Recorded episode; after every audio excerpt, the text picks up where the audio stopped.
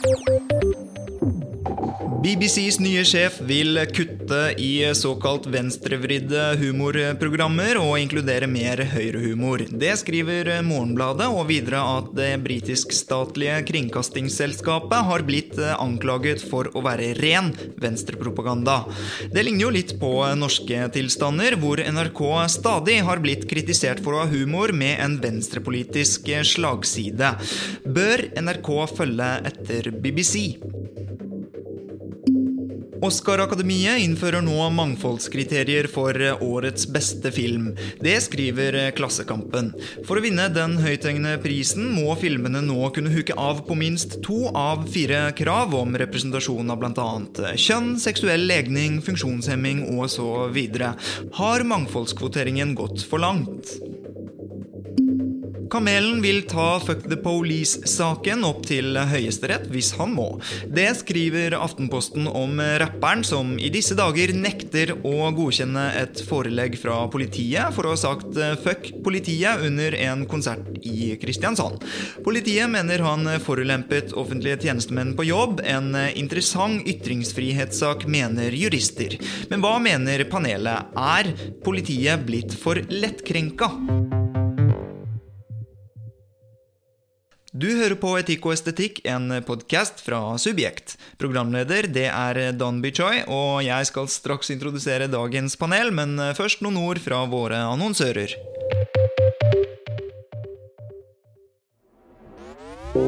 Vil du og din institusjon være synlig der hvor publikum leter etter den beste kunsten og kulturen? Nå kan denne reklameplassen bli din.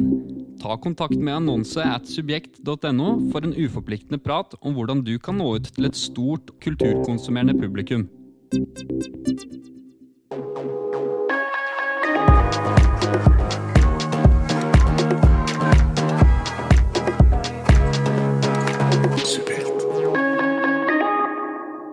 Med meg i studio sitter Shabana Rehman, som er standup-komiker, skribent, dramatiker, foredragsholder, frihetsforkjemper og så mye mer, faktisk, men siden 2017 først og fremst leder i Født Fri. Det er en organisasjon som jobber mot æreskultur, tvangsekteskap og annen negativ sosial kontroll, og som ble opprettet på initiativ fra regjeringen.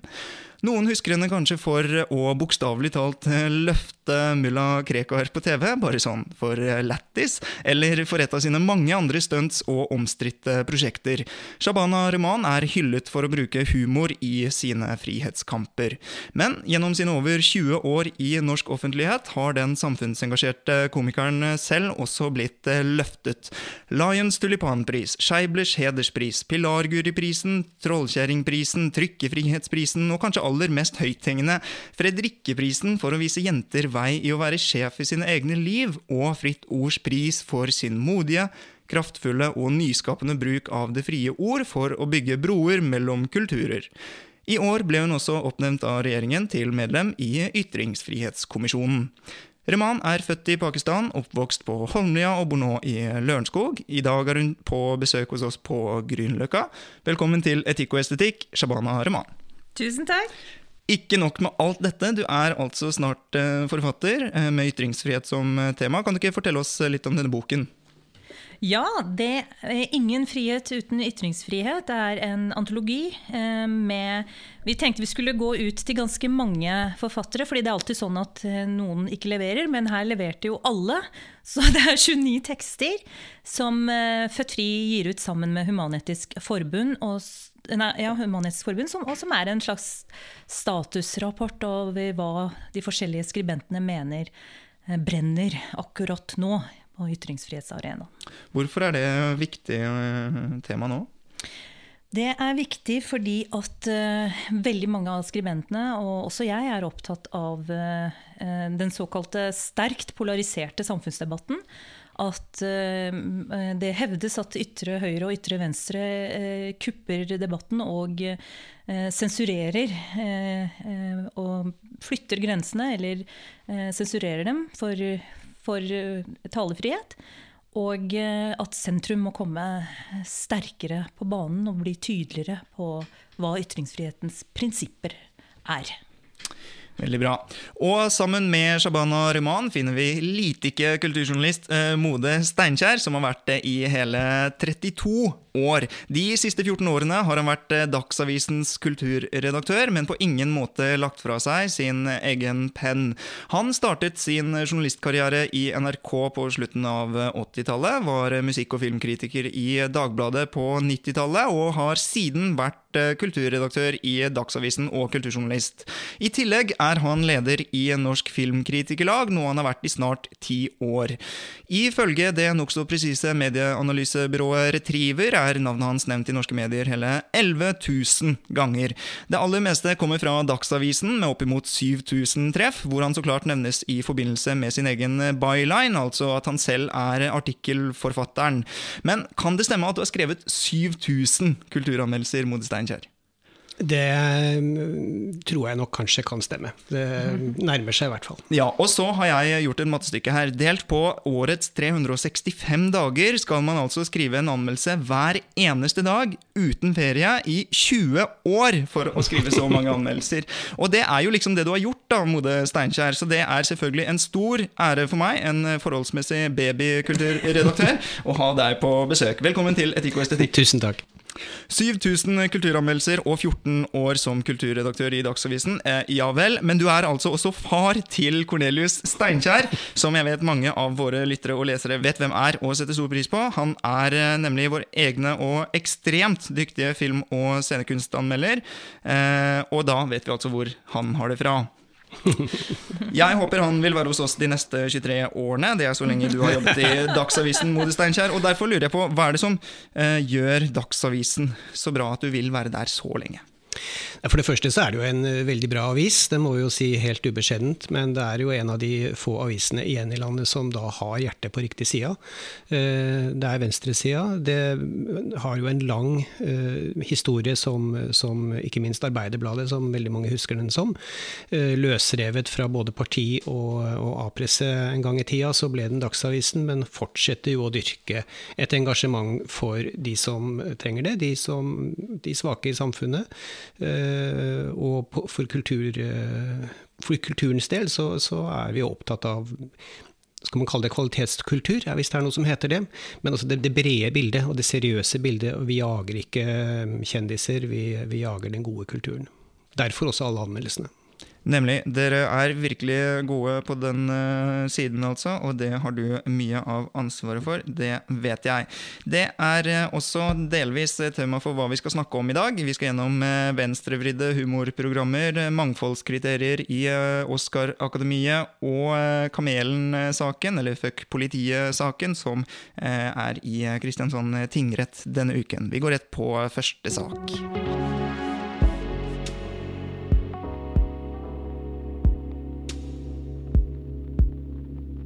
BBCs nye sjef truer med å kutte venstrevridde humorprogram, meldte den britiske avisen The Telegraph tidligere denne måneden. Artikkelen baserte seg på anonyme kilder innad i det statlige kringkastingsselskapet. De fortalte om hvordan mannen som nå overtar sjefsstillingen, Tim Davy, skal ha uttalt et ønske om færre vitser på bekostning av brexit, Donald Trump og det konservative partiet, og mer humorinnhold fra alle sider av det politiske spekteret. Det skriver Morgenbladet, og eh, også videre at saken har skapt eh, stor ståhei, og at konservative politikere applauderer, mens andre mener konservative komikere rett og slett ikke er morsomme nok. Andre der igjen mener at statskanalens venstrevridde humor er ren propaganda. I Norge anklages dessuten statskanalen eh, støtt og stadig også for å drive, bedrive venstrevridd propaganda. Det menes kanskje at det spøkes for mye med høyresiden, og at venstresidepolitikere og lignende eh, temaer på venstresiden bl.a. får være i fred. Bør NRK følge etter BBC, kutte i såkalte venstrevridde humorprogrammer og inkludere mer høyrehumor, Shabana Rehman? Ja, men. Og Mode Steinkjer? Nei, men. Nemlig. Eh, hvorfor sier du ja, men, Shabana? Fordi at øh, det er ikke sånn humor øh, funker. Jeg tror de fleste seriøse komikere er, lager stoffet sitt med én intensjon, for å få folk til å le. Og hvis det er sånn at man kommenterer det fortløpende samfunnsbildet, så gjør, gjør man det. Um, NRK kan absolutt også kritiseres ikke fordi de er venstrevridde, egentlig alt som er vridd er eh, problematisk, mener jeg, men fordi at de har stort sett eh, hvite majoritetskomikere på venstresiden istedenfor å få om bord eh, minoritetskomikere, faktisk, som kan lage mye mer presis, treffende humor som sparker i alle retninger. Og kanskje også avideologisere humoren litt. Men hvorfor har dette med minoriteter å gjøre? Jo, det har det. Fordi at vi er i en uh, i et klima nå hvor identitetspolitikken er uh, utrolig uh, stormfull, og som sensurerer og er i ferd med å kvele humoren vår. og det, det, presset man har på seg, er hvem som kan kødde med hva. Hvilken identitet har lov til å tulle med hva. Og min erfaring er at selv om du tilhører den identiteten, så blir det bråk. Ikke sant? Så vi må få mer mangfold, eh, men mangfold av modige, uavhengige komikere. Eh, det er absolutt behov for fornyelse. Men du sier at, eh, at, eh, gode komikere er uavhengige, og at de sparker i alle retninger. på en måte. Men hva hvis man gjør en større analyse og ser på alle humorprogrammer, og så finner man ut at oi, det sparkes veldig mye ned på høyresiden? og så ikke. Hvor, kan, bør man ikke gjøre noen sånne tiltak fra, på direktørnivå da, for å balansere ut det? Ja, hva skal man gjøre da? Skal man bestille humor, da? Ikke sant? Fordi at eh, Hvis det skal være troverdig og uavhengig, så må det jo være det komikeren selv, uh, selv skaper. Og kommer det kjempegode komikere som uh, sparker i en annen retning, bring it on! Hvor er dem? Ikke sant? og så er det jo sånn at det er ledere som bestemmer. Du kan ikke være en løs kanon på plattformer som er ledet.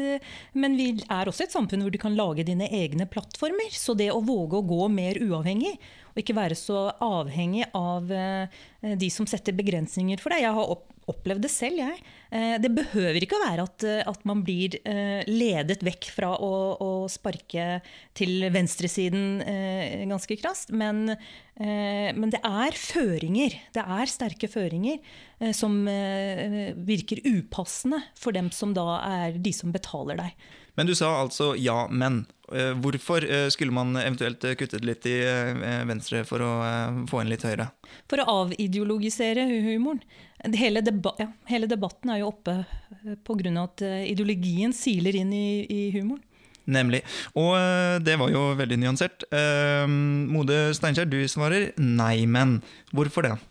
Jeg tror vi ender opp litt på det samme, samme endestasjonen i den diskusjonen. Men Min journalistiske ryggmargsrefleks sier jo at uh, man skal ikke bli instruert utenifra. Og dette vil jo da nødvendigvis være en politisk instruering i hvordan NRK skal forvalte sitt oppdrag. Men er ikke sjefsdirektøren eh, på en måte en sjefsredaktør også? Er ikke det også redaksjonell eh, ledelse? Definitivt, og det, det må i og for seg komme derfra. Jeg tror at Tim, Tim Davies, som da skal ta over BBC, han har nok et veldig ytre press på seg for å gjøre noe med, med, BBC. Det handler ikke minst om inntjeningsmodeller.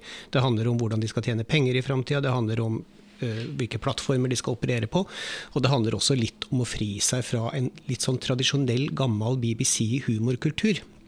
Og Det er jo nettopp den humoren som, som, nordmenn, i hvert fall sånn som vi kjenner dem i dag, er flaska opp på fra Monty Python og framover. Det, det, er de store forbildene våre. Eh, og det har også grodd seg fast veldig godt i NRK. Eh, det var sånn veldig lenge. Eh, men så syns jeg det er i ferd med å vokse fram eh, motstemmer i NRK som sparker andre steder. Eh, den første store debatten rundt nettopp dette temaet her kom jo da Hallo i uken ble lagt ned, eller forut for, for nedleggelsen av eh, satireprogrammet på P2, Hallo i uken. Som da ble kritisert for å sparke veldig mye mot, mot høyresida. Mot de konservative eh, høyrekreftene og, og, og eh, kristenkonservative. Eh, etter det så har de jo forsøkt å nyansere litt mer, men det er jo et eller annet med at det som er morsomt, er jo nødvendigvis det man selv syns er morsomt. Så det å bygge opp en ny kultur, det tar tid. Jeg tror NRK er i, i gang med å gjøre det. Jeg syns jeg ser det, at dette her kommer, kommer, nå naturlig inn i programmene. De vanlige programflatene. Det de mangler, er de store profilene for å lage humor. Rene humorprogrammer som er mye mer differensiert enn det har vært. Men jeg tror at det må komme av seg selv. Jeg tror ikke at det nytter å på en måte plukke vekk noe for å sette inn noe annet som kanskje ikke funker. Det må komme av seg selv, eh, mener altså eh, begge to. Men all den tid eh, mediene skal representere alle deler av befolkningen, og på en måte ikke miste sin tillit, som er dens viktigste egen, altså egenskap, journalistikkens forutsetning, rett og slett, så er det jo egentlig ikke til å stikke under den stol at journalister er flest på venstresiden. Det avsløres og avdekkes på en måte i medieundersøkelser undersøkelsen hvert eh, eneste år. 46 eh, stemmer av journalister på eh, Rødt, SV eller MDG. Um, og så er det jo litt i journalistikkens natur, da, all den tid den skal kritisere makten osv. Og, så videre, og være på venstresiden. Men selv har jeg resonnert litt i de baner hvor jeg tenker at kanskje det er derfor vi får Resett og Document og sånne alternative medier, fordi de ikke føler seg hørt i de store, brede offentlighetene. Og da mener jeg også på humorsiden. Hvordan kan man lage humor eh, Ok, nå skal vi jo ikke dirigere her, men hva er egentlig løsningen på det, når det ikke løser seg selv? Nei, altså Resett og Dokument og disse eh, redaksjonene de har jo ikke satiriske avdelinger. Nei, de har dårlig humor. de har dårlig humor, ja. ja. Men hvem er det som bestemmer om de har god eller dårlig humor? Til syvende og sist er det jo publikummet som eh, avgjør. Nå har de jo egne redaksjoner. Kom igjen, produser humor. Og kvaliteten er det publikum. Det er alltid publikum som avgjør. Så uansett hvor mange som stemmer hva eh, i NRK også, hva ler publikummet til NRK av? Og det er jo sånn, jeg tror det er sånn som du sier, at uh, de fleste journalister, de fleste som jobber i mediene, de, de stemmer et eller annet sted på venstresida. Og det er som jeg sier, at man ler av det man selv syns er morsomt, og sånn sett så har man også lagd humor eh, i NRK, uh, som nødvendigvis kommer fra folk som er på venstresida, som da vil sparke mot høyre eller oppover. Men jeg tror at det der er i endring, akkurat som veldig mye annet i samfunnet vårt er i endring nå. Det største utfordringen til NRK er å tørre, fordi at uh, terskelen for å krenke er nå så lav. Terskelen for å få ting tilbake som en bumerang er utrolig lav. Uh, så hvis man skal lage humor som treffer, så må det lages på en veldig dyktig og veldig finurlig og klok måte. Og det tenker jeg at er, er NRKs utfordring, å finne de stemmene som faktisk greier det. Det, det den diskusjonen også viser, er jo at humor er makt. Og kritikken kommer jo også fordi at om, om at det er venstrevridd humor, er jo fordi det treffer. Det får konsekvenser. ikke sant? Det treffer den makta den skal treffe. Og da kommer det jo både legitim og illegitim, eh, illegitime protester på det. Eh, det, det, er også viktig å ha med seg i, i, i, denne diskusjonen, hvilken mektig kraft eh, humor er. Og eh, hvis det blir sånn at man skal åpne opp da, for å sparke i, i, alle retninger, så kan det like Det er derfor jeg vil ta opp det med identitetspolitikken på humorarenaen her. Fordi at Eh, jeg vet at det kan komme komikere som sparker til venstresiden. Ikke nødvendigvis at de sparker til, eh, til venstresiden fordi det er høyrevridd humor. Men de sparker til venstresiden for å lage rom for seg selv. For de nye identitetene som vokser opp i dette landet, og som ikke klarer å gli seg inn i den politisk korrekte humoren fordi de har så mye mer på hjertet, den vil treffe venstresiden. Og der er det eh, ikke eh, åpen åpning for. Men tenker dere at humorredaksjonene skal være så frie at de ikke skal stoppe opp og tenke kanskje vi har en litt vel venstreside-slagside her nå? At vi kanskje skal også sparke litt mot den andre siden fordi at de tross alt eh, driver med eh, humor som alltid har liksom et offer, da, på en måte, eller man spøker jo med noe. Eh, og det kan jo alltids liksom veies politisk. Eh, bør de ikke eh, ha dette i mente? De bør selvsagt stoppe opp, og det tror jeg faktisk de gjør også. Eh, eller jeg håper de gjør det. Eh, for det er jo eneste måten de kan eh, differensiere dette på, å lage en mangfoldig humor som vil treffe i flere retninger enn den gjør nå. Men satire er vanskelig. Og jeg tror nok at en del av venstresida, som høyresida, har veldig lite selvironi på å da bli truffet av satire, enten den er laget av medfeller, for å si det sånn, eller av motparten. Altså jeg merker jo at, at uh, hele satirikeren i meg eh, protesterer veldig på at, at, man skal på en måte lage telle lage statistikk på, på hva man bør bestille. Eh, det, det er, byr meg veldig imot, fordi det er ikke sånn, sånn, det funker. Jeg tror man må tenke kreativt over hva hvordan man kan åpne opp for flere eksperimentelle komikere, istedenfor å tenke eh, bestillingsverk av hvilken retning man sparker. fordi det, det funker ikke. Da ødelegger man kunsten. Rett og slett. Og eh, det, dette kan jo absolutt eh, sammenlignes med den frie kunsten og den eh, generelt frie journalistikken også. Jeg sa jo, eh, eller stilte spørsmålet bør NRK følge etter BBC, men sannheten er kanskje at BBC egentlig følger litt etter NRK, i hvert fall i å, i å, debattere dette. For allerede i 2015, og helt sikkert lenge før det også, meldte NRK at sitt egne kringkastingsråd ba om at det bygges et satiremiljø med ståsted på høyresiden. Årsaken skal være at rådet synes NRK har en venstrevidd eh, slagside i sine satireprogrammer. Mangler høyrebriller, skriver man da i eh, VG. Leder i NRKs journalistlag den gangen, Rikard eh, Aune mente det ikke var til å leve med at rådet, oppnevnt av politiske representanter, skulle blande seg inn i det redaksjonelle innholdet, mens Kringkastingsrådets leder, Per Edgar Kokkvold, eh, presseveteran og som selv erklærte svart belte i redaksjonelt ansvar, mente det lå i Kringkastingsrådets mandat å gi NRK råd. I den ja, så, så hva syns dere om Kringkastingsrådets involvering her, da? Jeg syns det er en maktdebatt og ikke en humordebatt.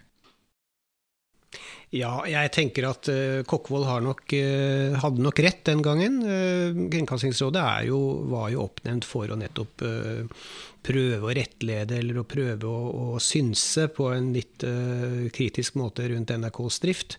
men akkurat der er jeg nok mer enig med, med klubbleder i NRK at det virker som at det er en politisk instruering av hva NRK skal være. Ehm, og Kringkastingsrådet er også en, en politisk maktbastion. Altså det er, består av folk som ofte er uh, enten politikere selv, som sitter på Stortinget, som, som, definitivt har posisjoner, eller har hatt posisjoner i samfunnet som gjør dem til en maktfaktor, uh, også på høyresida. Jeg heter Sofie Elise, og du hører på Etikk og estetikk, en podkast fra Subjekt.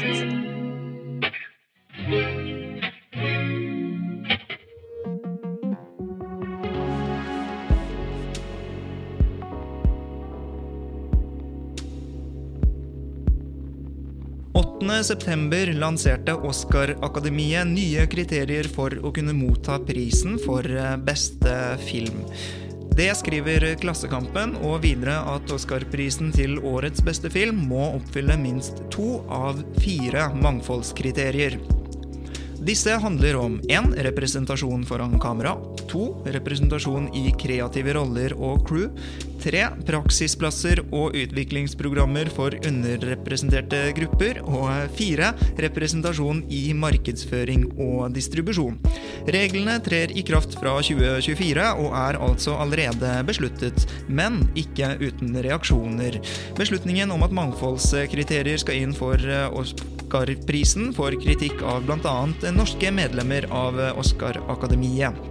Produsent Anne Kønke, som, eh, som bl.a. står bak den Oscar-nominerte dokumentarfilmen 'The Act of Killing' fra 2012, er også kritisk og mener eh, vi kan frykte alibi-ansettelser. Hvis man skal krysse av for om en regissør har den eller den seksualiteten, blir det et litt vanskelig område å gå inn i. Man kan også risikere at folk blir ansatt som et slags alibi for å kunne krysse av en boks. Eh, det er ikke bra for noen, sier hun. Har mangfoldskriteriene gått for langt, Mode Steinkjer? Ja, med et stort forbehold. Og Shabana Roman? Ja, men dere safer eh, igjen, altså. Men eh, ok, hvorfor med forbehold? eller hvorfor i utgangspunktet ja? Fordi at Oscar er en institusjon som er veldig moden for fornyelse. Det har man sett i mange år, og det har vært veldig mye debatt rundt, rundt eh, Oscar, hvordan den har vært sammensatt. Hvordan det amerikanske akademiet, som da stemmer på de forskjellige prisene, hvordan det er sammensatt. Og hvilke filmer da som til slutt ender opp i en nominasjonsrekke og får priser. Eh, vi hadde jo Oscar So White for noen år siden, som var en kampanje som gikk på at ingen Eh, av eh, det svarte USA eller noen andre var nominert. Det var kun helhvite filmer over hele linja. Samtidig så kom jo metoo eh, og traff Hollywood midt i fleisen, mildt sagt. Som også da satte veldig trykk på at Oscar også måtte endre seg i takt med resten av samfunnet for å ha mer åpenhet for mangfold, representasjon osv. Men i fjor så vant altså 'Parasitt', uh, 'Storeslem' og uh, veldig mange andre filmer. Og jeg skrev en sånn ironisk kommentar en gang. Min store fotballstjernehelt, som heter Son Hung-min, er koreaner og spiller på Tottenham. Og så uh, delte jeg liksom det Premier League kalte for årets mål, og så skrev jeg 'takket være obligatorisk BIPOC-representasjon, queer-teori og interseksjonell feminisme skåret han dette målet'. Blir det ikke litt sånn? Altså, er, er, det ikke litt teit at han, de vant jo på kvalitetskriterier. Ja. Med disse, nye, med disse nye mangfoldskriteriene, kan ikke det også ha en litt sånn eh, skyggeside? Jo, jeg tenker, og det er derfor jeg sier at ja, men med et stort men. Fordi at det jeg tror er viktig med en sånn liste eller et sånt forslag, det er å få debatten på bordet. og Det er å få søkelyset, og, og det å være, være, oppmerksom på hvilke valg man tar. Eh, det som denne debatten har ført til med, med Oscar So White og metoo, er jo at man da har åpna akademiet for flere medlemmer fra flere land.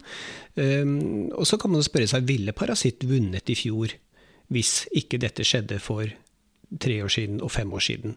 Uh, ser man på de siste vinnerne inn i, Oscar, så, har du også uh, Shape of Water, som hadde en meksikansk uh, regissør. du hadde også Moonlight, som var et rent svart cast hele veien, og som handlet utelukkende om tematikk som var relatert til Black Lives Matter, et uttrykk som i og for seg kom litt seinere, i hvert fall i vanlige folks bevissthet. Så jeg, jeg, tror at oppmerksomheten rundt dette her, det er veldig bra, men jeg er også litt skeptisk til at man skal da kvotere inn eh, personer uh, i alle ledd, uh, også når det gjelder faktisk å styre da historien, fordi at historien skal også ha elementer av både det ene og det andre for at det skal passe inn her. Så at manusforfattere uh, bak kamera, foran kamera, man ender rett lett med den eh, berømmelige boksen som skal tikkes av. Ja, mm. sjekk. Ja, Og så er det jo fint om eh, en film har elementer av kunstnerisk eh, frihet også. ikke sant? At man ikke ja.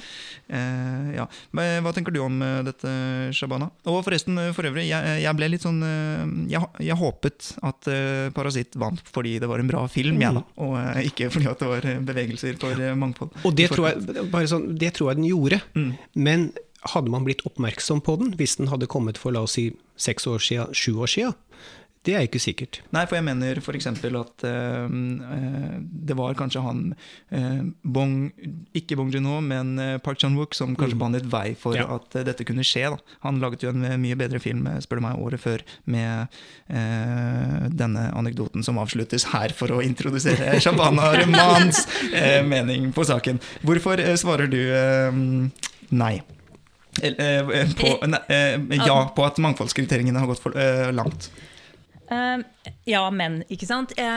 For meg i hvert fall så ble 'Parasitt' en game changer. Og så etter å ha sett den, så tenkte jeg at oi, hva mer er det vi har blitt snytt for? ikke sant? Mm, mm, mm. Det, det, var det jeg kom på. Altså, uh, men samtidig så ingen seriøse kunstnere, filmskapere, manusforfattere vil ha alibistempelet på seg. Man er jo livredd for det. Eh, og bare det at eh, andre som er redde for å miste sin tilgang, bruker alibistempelet som kritikk på mangfoldskriteriet, er også en interessant debatt. Parasitt viste jo at det internasjonale publikummet fortjener så mye mer en, eh, et utvalg, som da også sikkert er etablert med sine nettverk. Og, og, i det hele tatt, Så ja, rommet må åpnes eh, mer, men, men, ikke uten samtidig og eh, la de kjempe med den samme kvalitetskravene.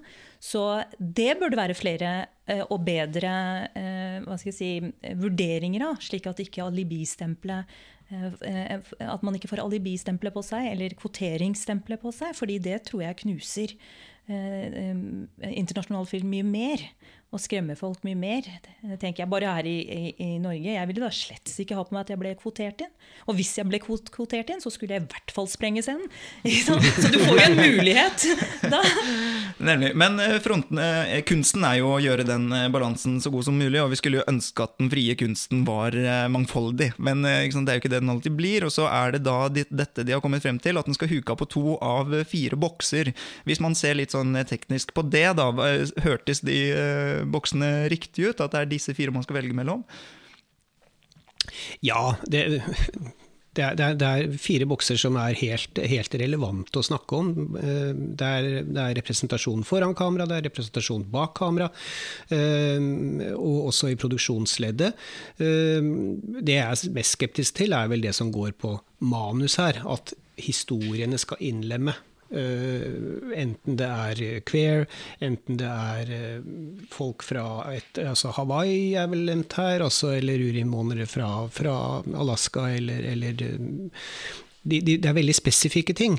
Og jeg, og jeg, tenker at det er veldig mange historier som vanskelig kan la seg fortelle uh, hvis alt dette her skal, skal, passes inn. Samtidig så er det klart at dette er en utfordring for den som skal skrive manus. Det kan, hvem vet, kanskje det gir oss mye mer kreative filmer enn vi er vant til. Uh, for det er jo en gang sånn at Oscar har vært det amerikanske filmens domene. Jeg har sittet mange år og, og i komiteen som velger ut den norske Oscar-kandidaten. Uh, og hvis man ser hvilke filmer som den har vært opp mot, så er det jo nettopp da uh, gamle dagers 'Parasitt'. Det har vært uh, de store europeiske filmene med Michael Haneke osv. Uh, en filmkultur som er rik og fantastisk fra Asia, fra, fra Europa, fra, fra Sør-Amerika. Men, men, amerikanerne og det amerikanske akademiet har jo øye bare for det som lages der. Og det er det som er åpna opp nå, med at man innlemmer flere medlemmer fra flere land, flere kontinenter, og da plutselig kommer Parasitt og kan vinne. Men eh, eh hvordan deles eh, Oscars ut, egentlig? Er ikke det en veldig sånn lokal eh, filmpris, som bare får veldig mye internasjonal oppmerksomhet? Du kan si at den er lokal, men de mange tusen som sitter i det amerikanske filmakademiet, er jo, eh, er jo, stort sett amerikanere, men også veldig mange andre fra flere land. Så du kan si at de fleste filmskapere som, eh, som konkurrerer f.eks. i Cannes og i Berlin osv., produsenter, regissører, hva det er, de sitter jo i dette akademiet og har mulighet til å påvirke. Det er også en rekke norske eh, regissører og filmfolk etter hvert som, som er innlemma i det amerikanske akademiet. Nettopp. I eh, Aftenposten så skriver Tor Erik Stubsjøen i eh, Side eh, Ikke som en hersketeknikk her, men han skrev det i Side. Det, jeg elsker Side. Jeg syns det er veldig gøy å lese disse ungdomspolitikerne og sånn. Men han skriver at noen ganger så må man faktisk kvotere. Han trekker frem en rapport fra 2007 eh, som bl.a. peker på hvor sjelden disse minoritetene får mulighet til å sitte i registolen. Av 14 447 regissører har kun 70 vært kvinner. 88 har en annen hudfarge. Det, altså, det er jo litt sånn hårreisende, egentlig. 70 av 1447 kan ikke sånne kvoteringer og representasjonskrav eh, være litt sånn være effektivt da, i å vise kvinner og andre minoriteter at de eh, kan være regissører og skuespillere, de også? Altså, Kvoteringer er jo alltid effektivt når det gjelder å få bedre representasjon, så det er det ikke noe tvil om. Effektivt er det også, får man diskutere. og, og, om effektivt skal gå på kompromiss med kunstnerisk kvalitet, er kanskje spørsmålet. Men dette er jo ikke, altså Det som Oskar holder på med nå, eh, det er jo ikke noe nytt. altså Den norske filmindustrien er jo også rigga sånn nå at skal du søke om offentlig støtte til en film, så er det visse kriterier. 50-50 eh, kjønnsrepresentasjon f.eks., og andre kriterier som skal til før at du i hele tatt skal få penger. Så, det er jo der. Og det er på en måte er en type kvotering. Det tror jeg er en sunn kvotering. Men hvis disse kravene blir for rigide, så tror jeg man kommer Da er man på feil side av gjerdet. Jeg tror at trusselen om kvotering er vel så effektiv som den faktiske kvoteringen. For det får folk til å tenke seg litt om når man ansetter folk, når man tenker historie, når man tenker utseendet på en film, f.eks. Men kritikerne har jo alltid sagt at kvotering også er en form for diskriminering på den andre siden. Så det er jo et ideologisk ståsted her også. Hva tenker du om det? Jeg er enig i det. Mm. Det, er, det, er, en form for diskriminering. Mm. Og så er det litt sånn preget av at man må hjelpes inn. Og jeg tenker at eh, og så handler det jo også om hvem er de flinke til å melde seg på, sende søknader, bygge nettverk og komme inn i de kvoterte rekkene. Det er ikke sikkert det er de beste kunstnerne. Nei, og så er det jo også det at Når man snakker så mye om det, man sier at det er i hvert fall bra at vi snakker om det, men er det ikke sånn at vi da ender opp med en liksom, eh, søkerbefolkning som også blir veldig god på å liksom, huke på disse boksene, da, selv om det ikke blir krav som man må fylle ut? Får vi ikke veldig sånn politisk korrekt kunst? Jeg tror det er en større fare for det, og det bekymrer meg. ja. Vi får politisk korrekt kunst, og det har vi sett mange tilfeller av i Norge også. Nils August Andresen var eh, gjest her eh, om dagen, eh, konservativ som bare det. Men han, han sa noe om liksom, det private versus det statlige i mangfold og sånn. Og hvis man er statlig eller et Oscar-akademi eller noe som helst, og så bestemmer man seg for en retning, så er man veldig dårlig på å gjøre unntak fra den. Så hvis man liksom skal bestemme seg for at nå er det identifikasjon eller representasjon som gjelder, så er det veldig vanskelig å liksom være en søker som ikke krysser av på de boksene. Da. Får man ikke veldig sånn statlig stemplet godkjent kunst av det? Og er det det vi vil, ha, vil at kunsten skal være? Nei, vi vil jo ikke det. Uh, ja. Nei, altså, uh, det, det, er en veldig interessant debatt. at Kommer du inn da med, med, statlig godkjent stempel, så selv om du da er en minoritet, så blir du jo også styrt av det. For da skal du jo representere. Og da påvirker det også din produksjon, ditt manus. La, la, la meg f.eks. ta Stovner-revyen, som ja. fikk støtte. Eh, en skole med nesten 100% minoritetselever, med to minoritetskomikere eh, som eh, produsent og regissør. Og eh, den eh, Det var altså Shabana Ruman og Zaid Ali. Og komiker Zaid Ali gikk inn da på Stovner skole, som er, har et omdømme som en av Norges tøffeste skoler, som ikke hadde hatt skolerevy på ti år. Um, og, og, kanskje lenger, men uh, målet her var å gjeninnføre revy som tradisjon på Stovner skole. Et veldig tilsynelatende politisk korrekt prosjekt som fikk masse støtte, økonomisk støtte. Ja, dette vil vi heie fram. Eh, men som endte opp med å bli Norges mest omtalte eh, revy, og utskjelt som rasistisk. Og her er det noe med forventningene og mange som ville styre hva er det som blir skapt av minoritetskunst på en, eh, en, videregående skole. Eh, og der var det et enormt forventninger om den, hvorfor den ikke var politisk korrekt. Ja, Og at minoriteter skal ha sånne typiske minoritetsmeninger og sånn. da. Helt riktig. Og det presset var så knallsterk at jeg endte opp med voldsalarm. Noe jeg syns var jo helt merkelig, fordi jeg har jo egentlig ikke hatt det på 15 år at jeg skal få det pga. å lage en skolerevy. Og da, da, da, skjønte jeg hvordan alt fra cancel culture og ideologi og hva eh, innvandrere og minoriteter kan tillate seg. Og da snakker vi ikke om voksne komikere. Vi snakker om at dette starter på, på ungdom- og videregående skolenivå. Mm, og nå er vi jo inne på utestengingskultur, og jeg har jo også opplevd lignende. Og så er det sånn, eh, kritikken er til og med at eh, ja da, han er kanskje brun homo, men egentlig hvit. Så er det sånn, ok, legningen min er ikke sann, min etniske bakgrunn eh, den er ikke sann. Ditt velmenende image er det som er riktig, liksom. da, fordi at jeg må, hvis jeg er den jeg er, ha en viss type meninger og sånn. Så, så her er det forskjellige variabler. Eh, som er liksom Én ting er at eh, du først er en minoritet i en eh, situasjon eller posisjon, og da må du også være den personen. Og nå snakker vi altså om Oscar-prisen her, egentlig. Er dette egentlig en effekt av en slik dreining, av en identitetspolitisk dreining, at man skal se seg selv representert, og kanskje ikke Jeg kan identifisere meg i en hvit kvinne, f.eks., hvis jeg blir sånn glad inni meg hvis hun sier ting jeg mener, da. Så er det ikke ja, ja. meningsmangfoldet som er viktig her? Så klart. Jeg kan mm. identifisere meg med en bikkje mm. hvis en leverer bra nok. Altså Hundefilmer, jeg elsker jo dem. Så, så det, det, er klart, det er jo å dele mennesker opp i, i båser som forteller oss at vi på en måte er så forskjellige. Ikke sant? At ikke det man uttrykker av det som er felles med oss, ikke hører, hører, til meg fordi at jeg ser annerledes ut. Eh, det er egentlig ganske skummelt. Så er det ikke en fare her for at man får et veldig sånn enfoldig eh, eh, utvalg da, til slutt eh, bak disse hudfargene og sånn? Jo, det er fare for det, men jeg tviler på at den vil bli så mye mer enfoldig enn det vi har sett fra Hollywood tidligere år. For det, hvis det er noe som har vært enfoldig, så er det jo det. Altså amerikanske dramaer og komedier som enten handler om krig eller om, om relasjonsforhold i New York. Um, jeg tenker at, at, vi har godt av litt mer mangfold, og, og det, de dreiningene som man ser nå, og de strømningene som er i samfunnet, dette vil drive det fram uansett. Uh, Moonlight var et helt glimrende eksempel på det, som kom før, ble påbegynt før Oscar So White-kampanjene begynte. Eh, Spike Lee eh, har jo vært på banen der i veldig mange år. Lagde en veldig god film igjen nå for et par år siden, og har premiere på en ny film eh, ganske nå snart. Jeg tror at dette, dette kommer, men, men, jeg er helt enig. Det kan bli for politisk korrekt nå i en liten periode, og så vil det gå seg til. Ja, jeg tror også publikum er sultefòra på, på, å se uh, andre ting også. Men uh, jeg, det, det, er jo åpenbart at det er sterke politiske strømninger i, i USA som, som uh, presser fram slike ting. Da.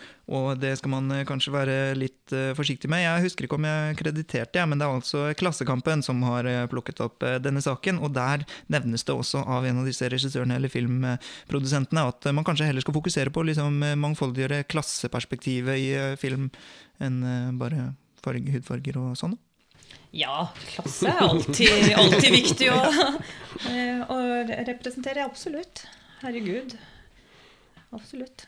Og da kan man jo se på hva som har vært lagd av europeisk film i veldig mange år. I England, i Skandinavia, ikke minst. Uh, i Tyskland uh, og, og, og, Frankrike. Altså, hvor klasse har vært et hovedtema i film i mange, mange tiår.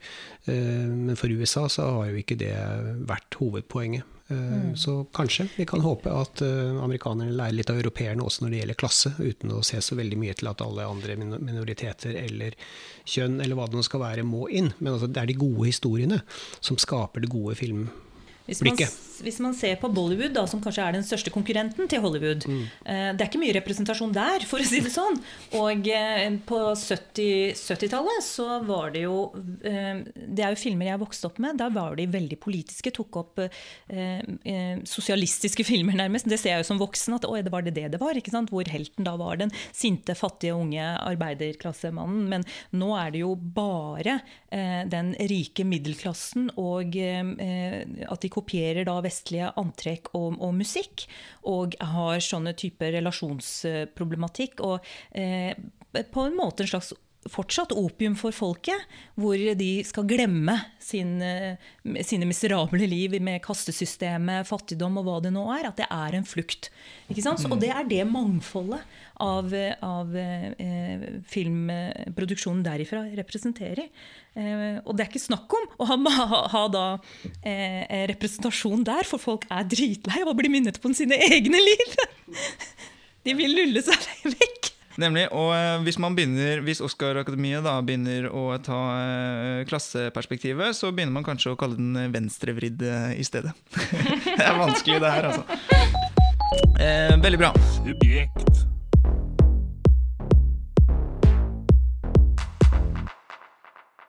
Da går vi over på tredje og siste tema.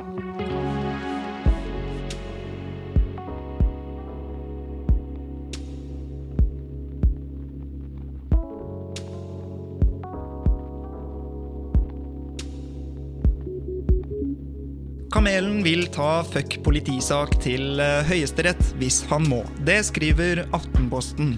Tirsdag møtte Markus Møll Cabello Mosele, bedre kjent under artistnavnet Kamelen, i Kristiansand tingrett. Tidligere i sommer mottok han et forelegg for tre hendelser i forbindelse med en konsert i desember 2018, et forelegg som han nekter å godta. Ifølge politimesteren i Agder skal han under en konsert på stedet Kick ha oppdaget to politimenn i salen, for så å ha begynt å rope 'fuck the police' mot dem gjennom mikrofonen. Det er altså ifølge politimesteren. Da kamelen crowdsurfet bort mot baren for å hente en øl, skal en av politibetjentene ha prøvd å ta kamelens mikrofon. Eh, rapperen ble så pågrepet og ført inn i en politibil utenfor spillestedet. Dramatisk konsert, altså, og i ettertid er han blitt eh, siktet for å ha forulempet en offentlig tjenestemann da han ropte 'fuck the police'. Er politiet for lettkrenket, Shabana Rehman? Jeg vil si fuck the moralpolice. Og eh, Mode Steinkjer? Ja, absolutt. Isolert i dette tilfellet, i hvert fall. Nemlig. Nå får jeg et dobbel ja, og da er jeg dessverre tvunget til å bli litt krassere på motsatt eh, vegne. Så dere to. Politiet mener også at Mosele gjorde motstand og sparket mot døren da han ble tatt inn i bilen. Her har eh, de mange vitner, tenker jeg, og det blir kanskje litt vel eh, spekulativt å diskutere det, om det skjedde eller ikke, men kan ikke slike ytringer mot politiet under en konsert hvor folk er fulle, bidra til å skape voldelige tilstander? Jeg merker at jeg får litt sånn sure oppstøt mens jeg sier det. ja, den er tørking. Jeg vil liksom ikke si at ytringer er handlinger, det er ikke min ting. Men, mm. men, hva, men, men politiet kan, kan, jo mene det, da. Man, eller det de mener er at det forulemper politiet eh, i, på jobb. Altså Hvis det skjer en kombinasjon, så tenker jeg at, at da hører det med i voldsopphisselsen eh, her. Ikke sant? Men eh, at det er en del av ytringsfriheten uavhengig av at jeg er blitt hisset opp til konkrete voldssituasjoner der og da, så er det jo egentlig helt uh, uakseptabelt at man skal kunne få noe forelegg for det. Og det er jo det egentlig hele ytringsfrihetsdebatten handler om.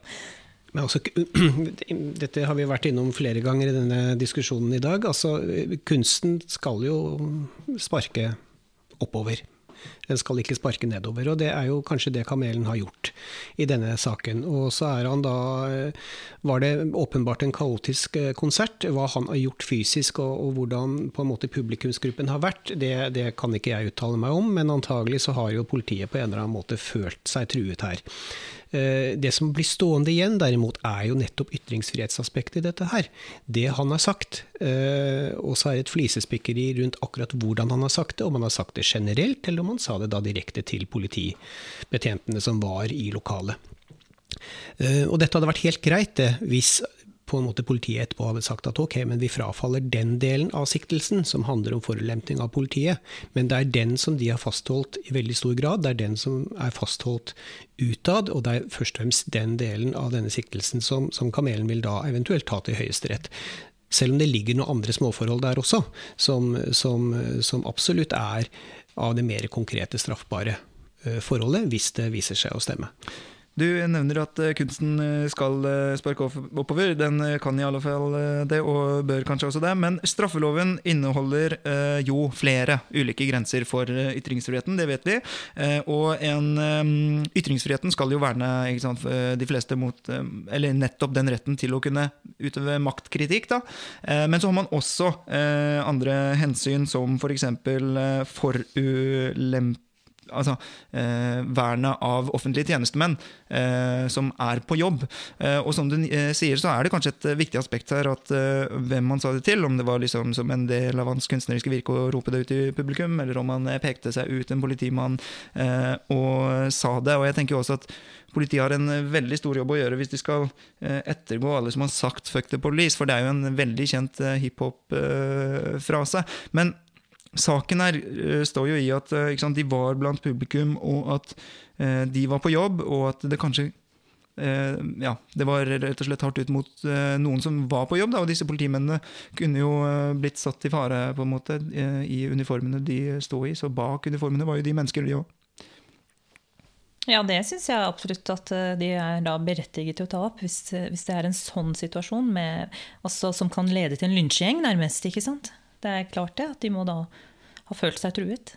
Men ut ifra hvordan saken i ettertid har blitt behandlet, så er det jo ordene han har sagt, eh, som da er en veldig kjent hiphop-frase, som, som, som, etterfølges ikke nødvendigvis at de ble truet eller at de sto i fare eller noe som helst. Det er rett og slett forulemping verbalt sett. Um, og da syns jeg kanskje at, at, politiet i Kristiansand er på ville veier hvis de be, påberoper seg uh, å være krenket, da, som spørsmålet ditt i utgangspunktet mm. var, nettopp pga. en frase som de burde kjenne til, hvis de da eller noen burde kanskje fortalt dem at når du går inn på en hiphop-konsert, så kan det godt hende at den frasen vil falle, spesielt når da du har en, med en gangsterrapper, for å kalle det som Kamelen forsøker å være. Han tilhører et segment. Er, det er, dette er ikke en strykerkonsert. Han er i et segment med en type rappere som oppfører seg også og er agitatorer foran et publikum. Uh, og kanskje burde de da vise litt sånn fleksibilitet i forhold til den situasjonen de går inn i, og ikke på en måte gripe inn og skal ta mikrofonen fra han fordi han roper et eller annet som de ikke liker. Det er et angrep på ytringsfriheten der og da. Så, sånn sett så er det jo lettkrenka, fordi at eh, det vil jo skje igjen og igjen og igjen hvis politiet dukker opp på gangsterrap-konserter. Så det er jeg lurer på hva som hadde skjedd hvis de hadde fått tak i den mikrofonen. Hva skulle, hva skulle de sagt? Om det hadde vært sånn, Kanskje det hadde blitt sånn Yo Mama-fight? En sånn uh, ytringsfrihetsdebatt i praksis. Uh, men, uh, men ja. Det er jo litt gøy, fordi at fuck-ordet har blitt nevnt flere ganger denne uken. Fuck Sian har vært relevant fordi ekstremismeforsker Lars Gule, som har vært sterkt synlig i mediene den siste tiden, fordømte noen Sian-demonstranter som ropte fuck Sian, og han mente dette kanskje betydde at Sian måtte voldtas. Det tror jeg ikke disse det tror jeg ikke disse tenåringene mente, og derfor har jo mange ledd av den uttalelsen, egentlig. Han mener at man fokuserte vel mye på det, da, og ikke liksom hovedbudskapet. og det um, er jo bra. Så jeg tror heller ikke at Kamelen mente at politiet skulle voldtas med å si fuck politiet. Det var nok ikke en ren oppfordring. Og flere jurister mener altså at dette er en interessant sak, og Kamelen og og eh, hans eh, forsvarer med ytringsfriheten i sekken, er jo da eh, forberedt på å ta denne helt opp til Høyesterett. En jurist sier en slik grense er forbudet mot ha hadde du kommentar?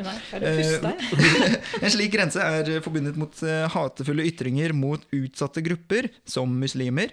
En annen er en forulemping av, av offentlige tjenestemenn dersom det skjer under eller grunnet utføring av tjenesten.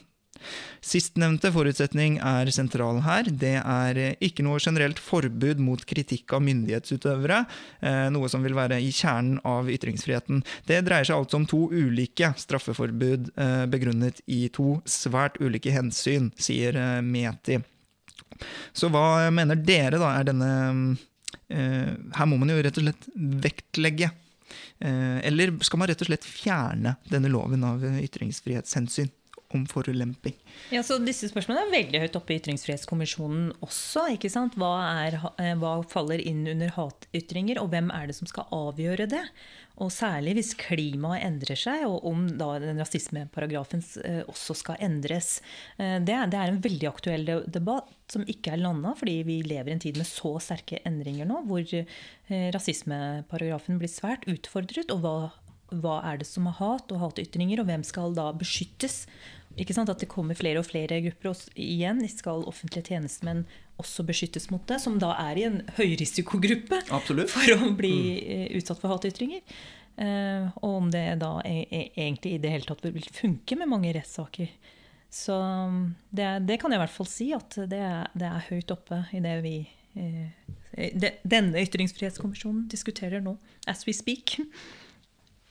Er jo, eh, Kamelen er jo fra Bergen, og, og, eh, et av de heftigste møtene mellom Sian og offentligheten var jo i Bergen. Eh, sånn at der har jo Kamelen-saken har jo også blitt sett i lys av at Sian kan stå og oppfordre til etnisk rensning på torget i Bergen uten at det får noen konsekvenser, mens hans utfall mot to polititjenestemenn, hvis det viser seg å være det, ender da med forelegg, arrestasjon osv.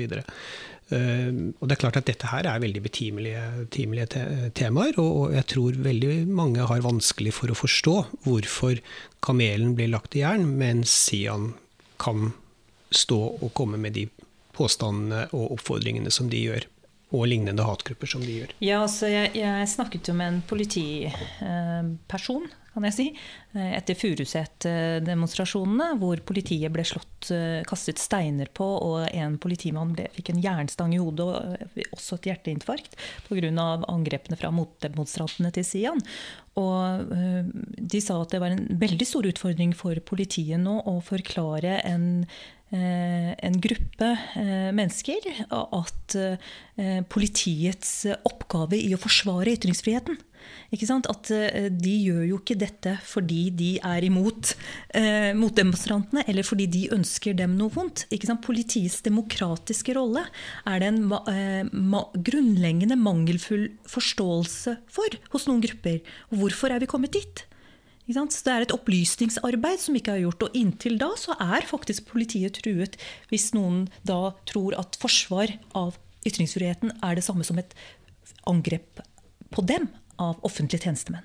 Det var også en eh, politibetjent som eh, kom eh, i dette opplysningsarbeidet da, med en sånn video på Facebook fra politiet i Oslo hvor han sa at vi forsvarer Grunnloven her. Vi forsvarer demonstrasjonenes rett til å være der, men også motdemonstrantenes rett til å være der. Det er en vanskelig jobb.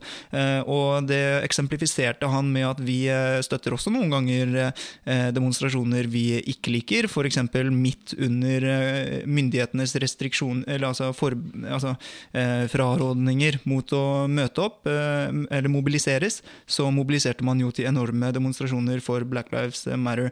Vi støtter deres rett til det, eh, og demonstrasjoner vi altså ikke liker. Og så er det altså noen som har klippet den til å bli vi eh, verner om retten eh, til demonstrasjonen vi Eller også demonstrasjoner vi ikke liker, f.eks. Black Lives Matter. Og så ble det liksom bare den som gikk viralt, da, at politiet ikke liker Black Lives Matter. Så, sånn fungerer jo dessverre sosiale medier-aktivismen i dag. Men eh, ja, litt som en kommentar til det at eh, Ja, skummelt. Mm, eh, det at de også må være prinsipielle, da. Mm. Men uh, her er vi altså ganske enige virker det som, i panelet om at uh, Fuck the Police er altså en legitim kunstnerisk, uh, i hvert fall hiphop-rapp-ytring. Du hører på Etikk og Da er vi gjennom temaene, og jeg vil si tusen takk for besøket, Shabana Rehman og Mode Steinkjer. Tusen takk. Takk til Subjekt og Danby. Ja, Det er så fint å lage denne podkasten. Så mye som jeg har lært de siste syv ukene, eh, har jeg ikke lært eh, på lenge. Subjektpodden. Det er altså ikke navnet på eh, podkasten vår, men eh, Etikk og estetikk. Takk igjen til Shabana Rehman og eh, Mode Steinkjer. I neste episode av Etikk og estetikk møter vi sjefredaktør i Morgenbladet, intet mindre enn Sunn Heidi Sæbø, og direktør i Munch-museet, intet mindre enn Stein Olav Henriksen. Og denne muligheten vil jeg takke Fritt Ord for, særlig, som har støttet subjektsiden Den spede begynnelse, men også særlig for eh, raus støtte til etikk og estetikk. For å få med deg episodene fremover, så må du huske å abonnere, følge, like, dele og stjernerangere og det som er av interaktive muligheter omkring en slik podkast som denne, via Spotify, Google Podcasts, Soundcloud, eh, Eh, Apples podcasts osv.